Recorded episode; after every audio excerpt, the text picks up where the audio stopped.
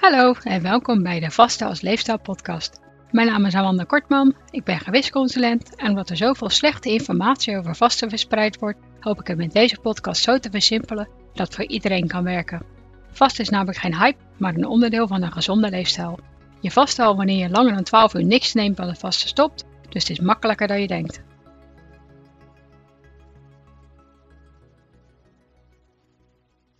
Welkom bij aflevering 18.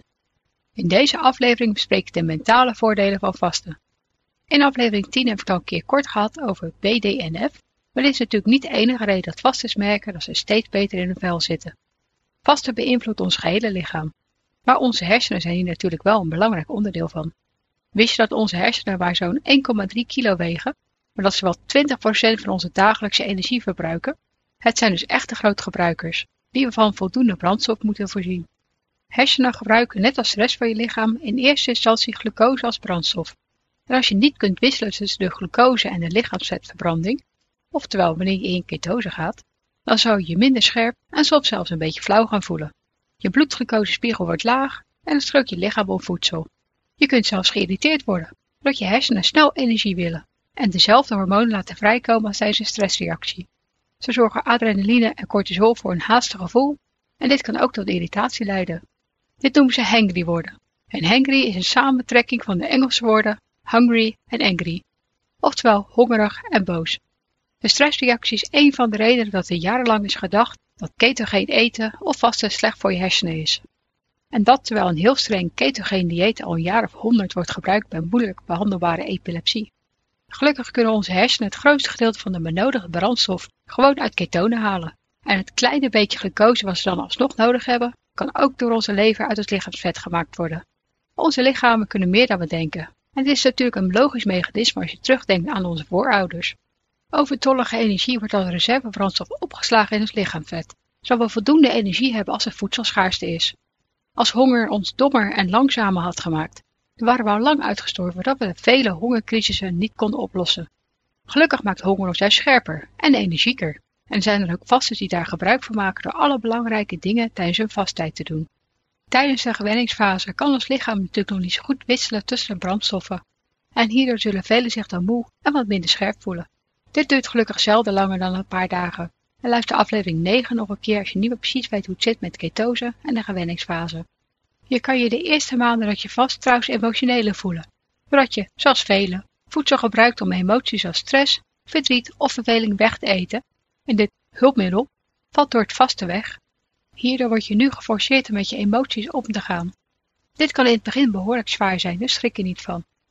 Op lange termijn zul je juist merken dat je je mentaal stabieler voelt, dus het is echt de moeite waard om hier doorheen te gaan. Zoek hulp als je het gevoel hebt dat je niet alleen aan kunt. En het kan al voldoende zijn om te bellen met een vriend of vriendin. Leg uit waarom je er last van hebt, zodat ze zich geen extra zorgen gaan maken. En je bent natuurlijk altijd welkom om contact met mij op te nemen. Ik zal je nu wat meer vertellen over BDNF. Zoals ik aflevering 15 al vertelde, verhoogt autofagie als je vast. Dit zorgt niet alleen voor dat de schadelijke plaks en andere overtollige eiwitten in je hersenen beter opgeruimd worden, maar ook dat BDNF verhoogt. BDNF staat voor Brain Derived Neurotrophic Factor. Dit is vrij vertaald een uit de hersenen afkomstige zenuwcel stimulerende factor. BDNF is een belangrijk eiwit onder andere nodig is voor het overleven en groeien van zenuwcellen beter bekend als neuronen, en de vorming van synapsen in onze hersenen. Synapsen zijn de verbindingen tussen de zenuwcellen. En BDNF speelt daar ook een belangrijke rol in bijvoorbeeld je geheugen en het kunnen leren van nieuwe dingen. Een tekort kan daardoor zorgen voor onder andere slechte geheugen, neurodegeneratieve ziekten zoals Alzheimer en mentale problemen zoals depressie. Alzheimer wordt ook wel diabetes type 3 genoemd, omdat het sterk gelinkt is aan insulineresistentie en een verhoogde bloedglucosespiegel. Dit zien ze in de hersenen terug in bijvoorbeeld beschadigde bloedvaten en schadelijke plaks. Die ontstaan door de ophoping van eiwitten die niet betijds opgeruimd kunnen worden. Bij de ziekte van Huntington en Parkinson zien ze vergelijkbare problemen, waardoor sommige vasten speciaal voor de mentale voordelen zijn gestart, nadat ze de aftakeling van deze vreselijke ziekte bij hun naasten hebben gezien.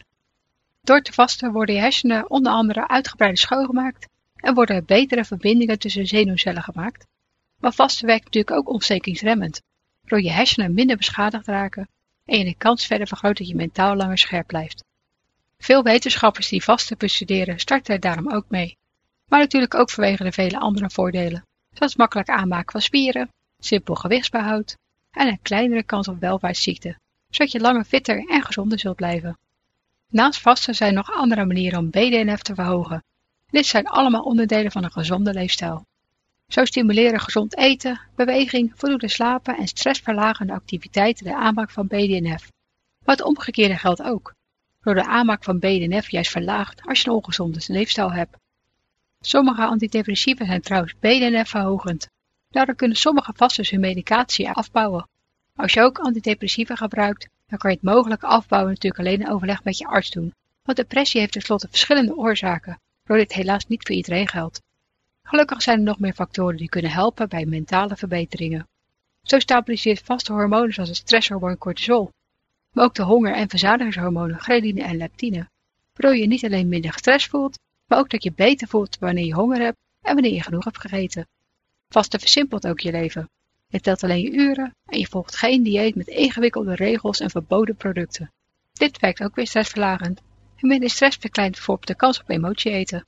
Dit maakt het nog makkelijker om een gezond gewicht te komen en je daardoor mentaal nog beter te voelen.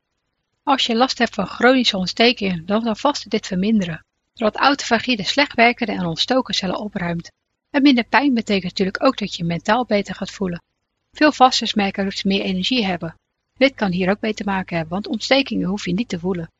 Meer energie betekent niet alleen dat je meer gedaan kunt krijgen, maar ook dat je meer fut hebt aan jezelf te werken. Daar zou je mentaal ook weer beter over voelen. Je hoeft ook niet meer bang te zijn voor energietipjes. En je wordt niet meer hangry doordat je lichaam gewoon in ketose gaat, zodat de glucosevoorraad op is. En vast is erg flexibel. De ene dag vast je langer en de andere dag eet je langer. En zolang je op gevoel eet en jouw doelen haalt, komt het helemaal goed. Luister aflevering 14 nog een keer voor strategie als je regelmatig je vastschema moet veranderen.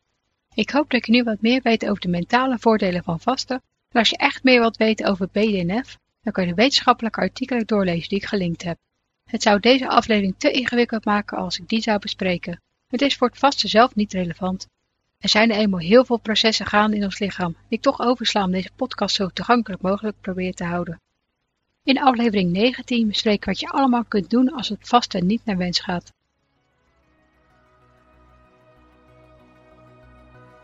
Bedankt voor het luisteren en vergeet niet dat je de onderwerpen en bronnen altijd in de omschrijving van de aflevering kunt vinden. Heb je vragen of opmerkingen of heb je behoefte aan persoonlijke begeleiding? Kijk dan op valerie.nl voor meer informatie. Weet je niet zeker of sommige tips of adviezen ook voor jou geschikt zijn? Bespreek ze dan natuurlijk altijd met je arts.